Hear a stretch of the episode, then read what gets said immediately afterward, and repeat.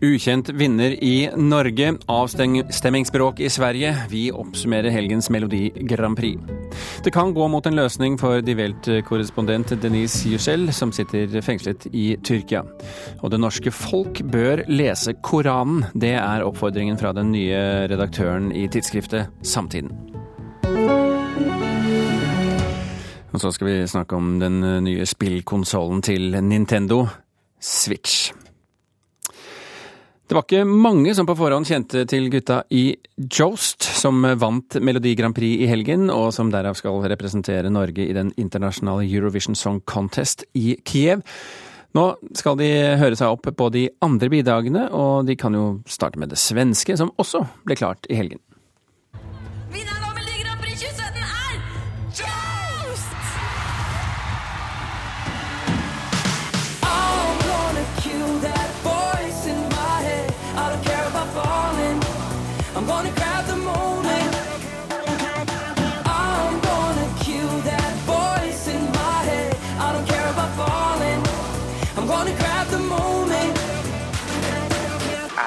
Altså jeg og Alexander har ikke vært eh, anonym fra vår side. Sier Joakim Hvitsten, som sammen med Alexander Wallmann skal representere Norge i Kiev i mai. En overraskelse på mange kanskje, for det var lite snakk om duoen i forkant. Eh, men det er jo på en måte eh, de store mediene og radiokanalene som har latt oss være anonyme i pre-MGP. Eh, der har det jo på en måte Kristian Valen og Rune Rudberg og Ammunition og Åge Nilsen vært eh, mer i fokus, fordi at det er lettere for folk å ja, relatere seg til, eller ja, det er noe folk kjenner til. da. Vi kunne godt være med på alt mulig rart, eh, men vi noe, altså vi skal ikke være med på neste sesong av Skam, og vi har ikke noe store skandaler å skryte av. Nå har den ferske vinneren en stor jobb framfor seg. For nummeret det skal forandres litt, men det er kanskje ingen vits i å gjøre det som alle andre gjør i Kiev? Er litt lite. Eh, jeg, fikk, jeg har ikke gjort noe research der. altså på når, når vi skulle være med i den norske finalen, så gjorde jeg en god research og hørte gjennom alle låtene fra start til slutt og opptil flere ganger. Men, eh, men, jeg hadde ikke på en måte planlagt at jeg skulle, at jeg skulle til Kiev om to måneder. Men her kan vi faktisk hjelpe til, for hvis Joakim Hvitsten spisser ørene nå, så skal han få en liten smakebit fra sin svenske konkurrent. Robin Bengtsson han gikk også seirende ut i helga.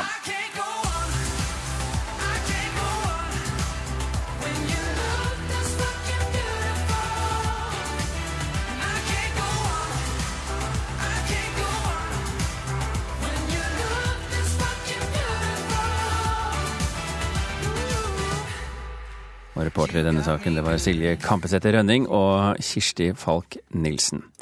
Morten Thomassen, leder for den norske Grand Prix-klubben.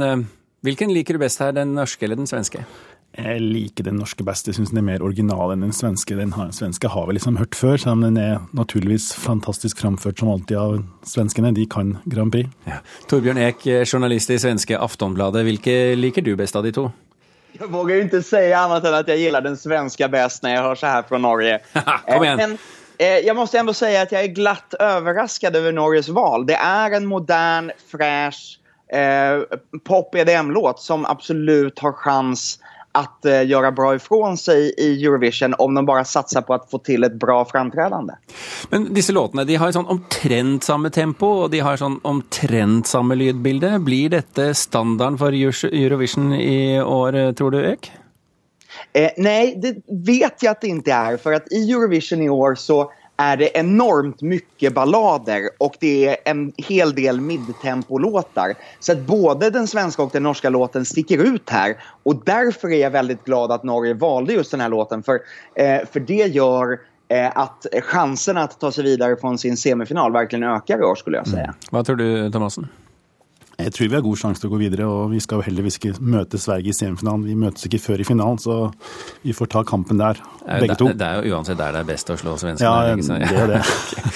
eh, eh, Thomassen, Joakim Hvitsten, altså artisten Jobst, eh, sier at han nå skal gjøre research og høre gjennom alle låtene. Hvorfor skal han det?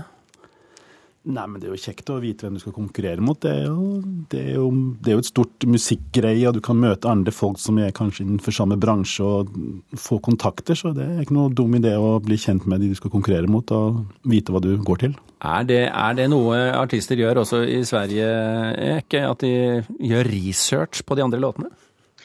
Ja, och det gör man ju också av ren artighet för att journalister från andra länder kommer vilja veta vad man tycker om, eh, vad man tycker om de låtarna. Och när man träffar artisterna från de andra länderna så eh, är det ju, det är ju hövligt att veta vilka låtar de framför. Mm. Men eh, researchen i det här läget är ju kanske snarare för att man inte vill göra två nummer som ser likadana ut. Man vill inte att, att framträdandena ska blandas ihop på scenen. Och på det sättet är det såklart vettigt att göra research för att man vill sticka ut. Eurovision är ju en tv-tävling, man får inte glömma det att låten är viktig men nästan lika viktiga, viktigt är hur det ser ut när man framför det. Och då gäller det att man på något sätt sticker ut där. Och sticka ut kan vara att bara stå rakt upp och ner och sjunga med rätt färg omkring sig. Eller at ha løpeband på scenen og eh, danse på dem. Mm. Thomassen, i den norske finalen så var det en internasjonal jury med helt frem til finalen, og da tok folket over. Hvordan fungerte den løsningen i Norge, syns du? Jeg syns det var en kjempebra løsning. Vi fikk se hva ti europeiske land syntes om låtene våre, og hvem de hadde som favoritt. Så vi var jo enige med dem. De hadde som størst favoritt. Hadde folk også som sin største favoritt, så da har liksom favoritten, eller sangeren vi skal sende, en liten ekstra push i ryggen på at vi har valgt rett. Torbjørn Erik, eh, var det denne metoden dere burde valgt i Sverige også?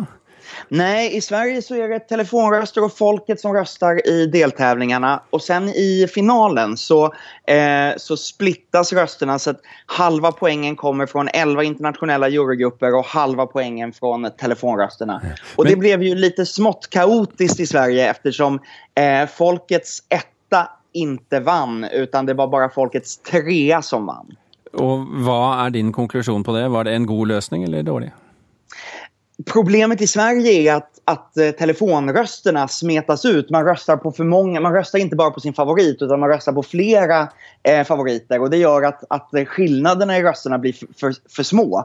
Och då blir det juryn som avgör. Jag vet att ganska många svenskar är upprörda över det här. Men man får inte glömma bort att det var ganska små marginaler. Mm. Det var inte så att den svenska folkets etta ledde med hestlängder över de andra.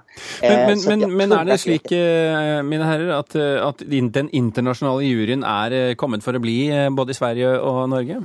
Ja, opptil flere land har begynt å bruke utenlandsk jury. De vil gjerne at deres smak skal stemme overens med Europas smak. For med en gang en låt forlater landet sitt og drar ut til Eurovision-land, så er det på egen hånd. De får ikke noe hjelp fra hjemlandet poengmessig, så de må stole på utlandet. Og da vil de gjerne vite at de liker dem i utgangspunktet. Er du enig, Ek?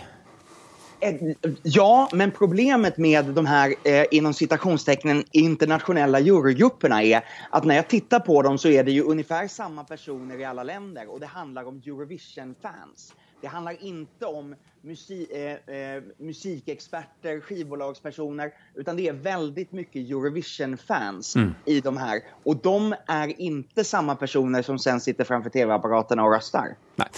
Men, men kommet for å bli med andre ord også i Sverige, skjønner jeg? Absolutt. Ja, absolutt. Torbjørn Eek, eh, journalist i svenska Aftonbladet, og Morten Thomassen, leder for den norske Grand Prix-klubben. Takk for at dere kom til Kulturnytt.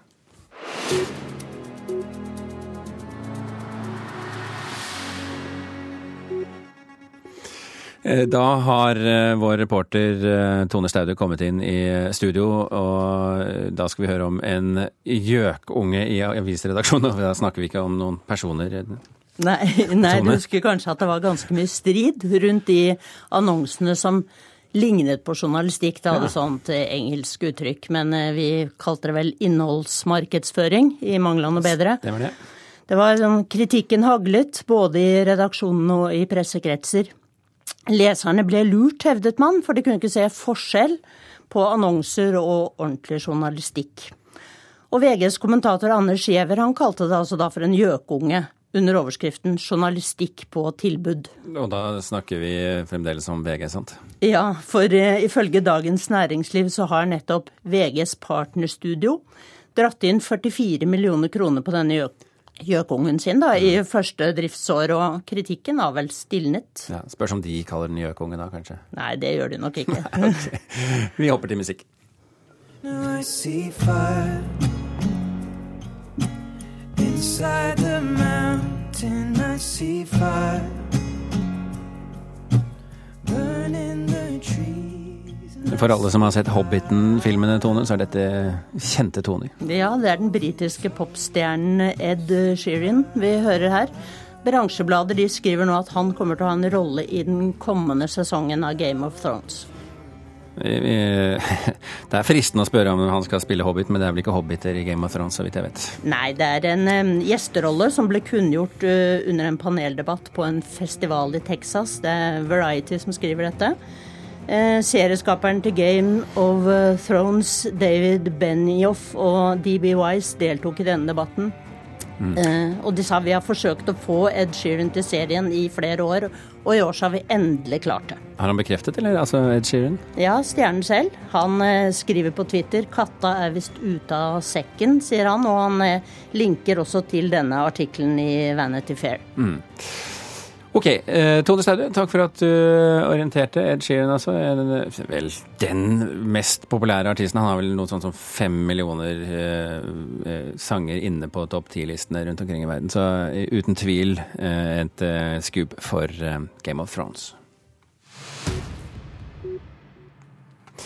Frontene er steile mellom Tyrkia på den ene siden og Nederland og Tyskland på den andre, etter at flere tyrkiske ministre nå har blitt nektet å drive valgkamp i de to landene. Samtidig sa den tyske finansministeren i går at det er vanskelig å diskutere økonomisk hjelp til Tyrkia når Die Welt-korrespondenten Deniz Yücel fortsatt sitter i fengsel. Men nå ser det ut som det kan gå mot en løsning akkurat i denne saken. Korrespondent eh, Sissel Wold, eh, du er med oss nå. Hva, hva er løsningen, hva går den egentlig ut på? Jeg vet ikke om løsningen er rett rundt hjørnet. Det er jo mange her som mener at det er veldig vanskelig å løse denne saken i klimaet som råder nå, der uh, myndigheter, tyske myndigheter ikke ønsker at Erdogan og hans statsråder driver valgkamp i tyske byer. Erdogan har jo beskyldt tyske myndigheter for å oppføre seg som nazister, og Erdogan har de to viktige kortene på hånden. Han kan åpne døren til en ny flyktningstrøm, og han holder journalisten Dennis Yücel fra storavisen Die Welt. Eh, og denne Yücel har både tysk og tyrkisk eh, statsborgerskap. Både tyske politikere og tyrkiske politikere er i valgkampmodus. Eh, og Tyskland vil i alle fall ikke ha noen ny flyktningkrise, så jeg vet ikke hvor lett det er å løse denne saken nå. Og, og Eh, tyrkerne er vel i Tyskland for å drive valgkamp eh, fordi det bor veldig mange tyrkere i Tyskland. Eh, ikke lett å løse, sier du, men det er vel ikke så lett å jobbe som journalist i Tyrkia heller for tiden? Nei, jeg tror det er mye vanskeligere for tyrkiske journalister enn for utenlandske journalister. Men det vi ser er at utenlandske korrespondenter som har doble statsborgerskap, som også har tyrkisk statsborgerskap, har det mye vanskeligere. Vi er jo vant til at eh, norske og svenske og engelske og tyske journalister kan jobbe fritt, snakke med hvem de vil, publisere hva de vil. Hvordan er det å være journalist i Tyrkia nå? Det er eh, røde linjer her, og de må man vite om. Men det hender at de røde linjene endrer seg fra måned til måned eller uke til uke. Det vi tror, inntrykket, er at det er korrespondenter fra USA, Tyskland, Frankrike og Storbritannia som blir fulgt mest med på. For vi har sett at Tyrkia har utvist eh, medarbeidere fra New York Times, Wall Street Journal og da Die Welt, og også en franskmann. Og jeg kjenner en nederlender som ble utvist i fjor. Så dette henger sammen med tror Tysklands, eh, Tyrkias forhold til noen av de landene og politi, politiske problemer dem imellom. Men det virker jo som det er de store landene vi snakker om her. Er det, er det en, en, en, kamp som, Erdogan, eh, som er politisk for Erdogan også overfor utlandet? Her er det unntakstilstand. Den blir forlenget hver tredje måned, og det er veldig mange ting man ikke helt forstår. Og hvis det tar en avgjørelse om å utvise en journalist, så er det ikke alltid at du får en begrunnelse, eller kan, eller kan kreve en begrunnelse. Og den tyske journalisten han er jo anklaget da for å oppildne folk til vold. Erdogan sier at han er en agent og at han er en spion for Tyskland. Og disse karakteristikkene er jo stempelet som myndighetene bruker på opposisjonelle og folk de ikke liker. Og så er det vanskelig å bevise hva som egentlig har skjedd. Sissel, du får komme tilbake til oss når vi vet noe mer om denne tyske journalisten Dennis Jussel. Takk for at du var med i denne omgang. Klokken har passert eh, kvart over åtte med tre minutter. Du hører på Kulturnytt, og dette er toppsakene i Nyhetsmorgen nå. Svært spent forhold mellom Nederland og Tyrkia, som vi hørte. President Erdogan bruker harde ord og sier Nederland oppfører seg som en bananrepublikk. En ny metode utviklet ved Universitetet i Oslo kan utvikle antibiotika som er skreddersydd for å ta knekken på multiresistente bakterier. Og 14 ukers fedrekvote kan komme tilbake etter valget. Flere partier vurderer å øke kvoten igjen. Vi snakker så mye om byggingen av det nye Nasjonalmuseet på Vestbanen, og hva som blir skjebnen til det ærverdige Nasjonalgalleriet etterpå. At vi rent glemmer å tenke på at det faktisk arbeider folk der med høy kunstfaglig kompetanse, som faktisk gir oss utstillinger det går an å få utbytte av. Nylig åpnet utstillingen The Great Graphic Boom, og kunstkritiker her i NRK, Mona Palle Bjerke, er det liv i de ansatte? Ja da, det står til liv. Eh, og jeg syns jo det bare skulle mangle. Man kan ikke tenke at alle skal flytte kasser. Så absolutt. Hva er The Great Graphic Boom? Altså, Dette ordet boom det, det, da refererer til den store, nyvakte interessen for de grafiske teknikkene som vi ser vokse frem på slutten av 50-tallet. Og utstillingen inviterer oss inn i en veldig spennende, interessant brytningstid i amerikansk og vestlig kunsthistorie, hvor vi ser nettopp at eh, man er, eh, har den, hatt disse store, abstrakte maleriene og vært opptatt av maleriets ekthet og spor av skaperakten, og så kommer det en gryende interesse nettopp for dette reproduserende som de grafiske teknikkene har har. Og det som hadde gjort det, at det var et lavstatusteknikker, det blir det som gjør det populært nå. Og da snakker vi om Warhol og gjengen? Absolutt. Vi snakker om de store abstrakte ekspresjonistene som på, på, liksom på, slutten av denne fasen begynner å bruke grafikk i veldig stor utstrekning.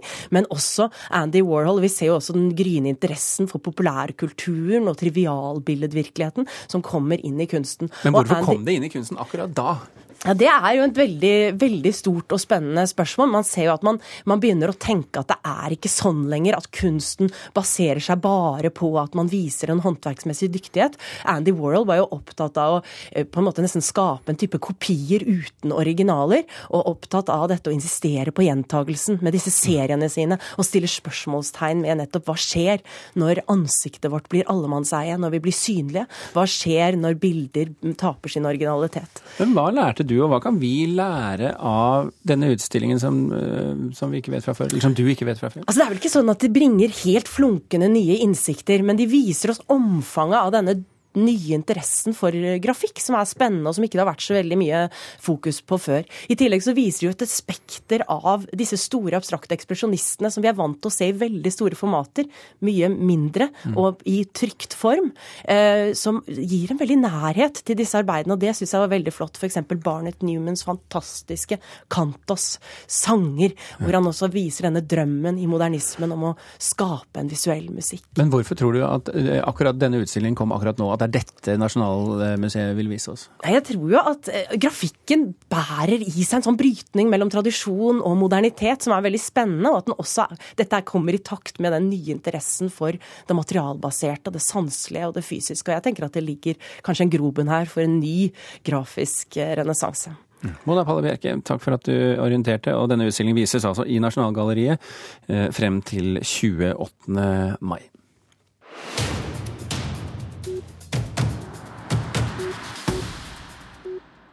Vi gjør noen uh, vanvittige sprang her i Kulturnytt fra tid til annen, og nå skal vi fra ekspresjonismen til Nintendo Switch, den nye spillkonsollen.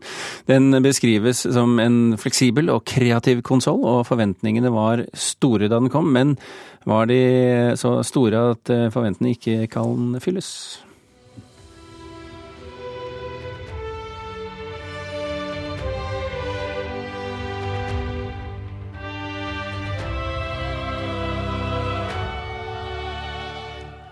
Brukere av uh, spillet Legend of Zelda kjenner igjen denne musikken. Det er altså noe man nå kan spille på den nye konsollen Nintendo Switch. Uh, har vært, du har brukt mye tid på denne de siste dagene, spilljournalist her i NRK, Marte Hedenstad. Har det vært gøy? Det har vært eh, kjempegøy. The Legend of Zelda Breath of the Wild er kanskje det aller beste Zelda-spillet som noensinne har kommet, faktisk. Eh, og Nintendo har virkelig imponert med måten de har løst dette spillet på. Fordi eh, Zelda-spillene har tradisjonelt vært veldig sånn lineære, med én konkret historie som du må følge fra A til Å. Mens her har du nå for første gang en åpen spillverden. Og jeg syns Nintendo har løst det veldig fint med å gi deg dette hovedoppdraget hovedoppdraget der du må bekjempe den store, onde Ganon eh, med en gang omtrent. Men så sies det jo da Men du er kanskje ikke sterk nok til å dra og bekjempe han enda. Eh, du bør kanskje gjøre dette og dette først, og da gir det deg insentiv til å utforske da, denne svære spillverdenen, og det er virkelig vakkert. Men dette nye konsollet til Nintendo, det er jo et litt sånn være eller ikke være for dem. Hva mm. er det det kan gjøre som det forrige ikke kunne gjøre? Nei, altså, eh, Den forrige konsollen til Nintendo, Wii U, den var en fiasko for Nintendo. Eh, spesielt økonomisk. Den har vært et tapsprosjekt for dem. Eh, men nå er det jo da, som du sier, det står og faller på Nintendo Switch. og dette her er en konsoll som er eh, veldig kreativ i måten den er utført på. Det er en blanding av en håndholdt eh, og stasjonær konsoll. Altså at du kan den er som en slags nettbrett, nesten, med en spillkontroll på hver side av seg, eh, som du kan spille hvor du vil. Eh, og så, hvis du har lyst til å spille på TV-en, så tar du ut disse kontrollene på hver side av skjermen, og så skyver du skjermen ned i en dokkingstasjon, sånn at du kan spille på TV-en. Mm. Eh, og det gjør at den kan brukes på veldig mange områder, og på veldig Altså, den, den treffer eh, veldig bredt. Eh, den treffer både liksom eh, barnefamilier som kanskje hadde tenkt å kjøpe en iPad til poden, ikke sant, eh, men også eh, mer liksom Eh, hardføre spillere som, eh, som, trenger noe mer, da. Mm. Så um, jeg liker konsollen veldig godt, eh, og jeg har virkelig trua på at den kommer til å gjøre det veldig bra. Den har allerede gjort det bra. Um, I uh, Europa og USA så er den faktisk allerede uh, den mest uh, solgte konsollen til Nintendo noensinne. Men, men, eh, kort, eh, Marte. Det ryktes at eh, dette her er jo ikke helt uproblematisk. Det er noen problemer her òg? Det er det. Og det er problemer med disse små joycon-kontrollerne, som det heter. De som du skyver inn på hver side av denne skjermen. Den venstre har for mange store problemer med å synkronisere seg, sånn at den rett og slett ikke fungerer når du skal spille på, på TV-en, og ikke på denne paden, da. Og det må Nintendo fikse, for hvis ikke de gjør det, så er det kort vei til fiasko. Og da snakker vi kroken på døra. Mm. Ja. Marte Hedenstad, takk for at du eh, anmeldte de nye spillkonsollen til Nintendo.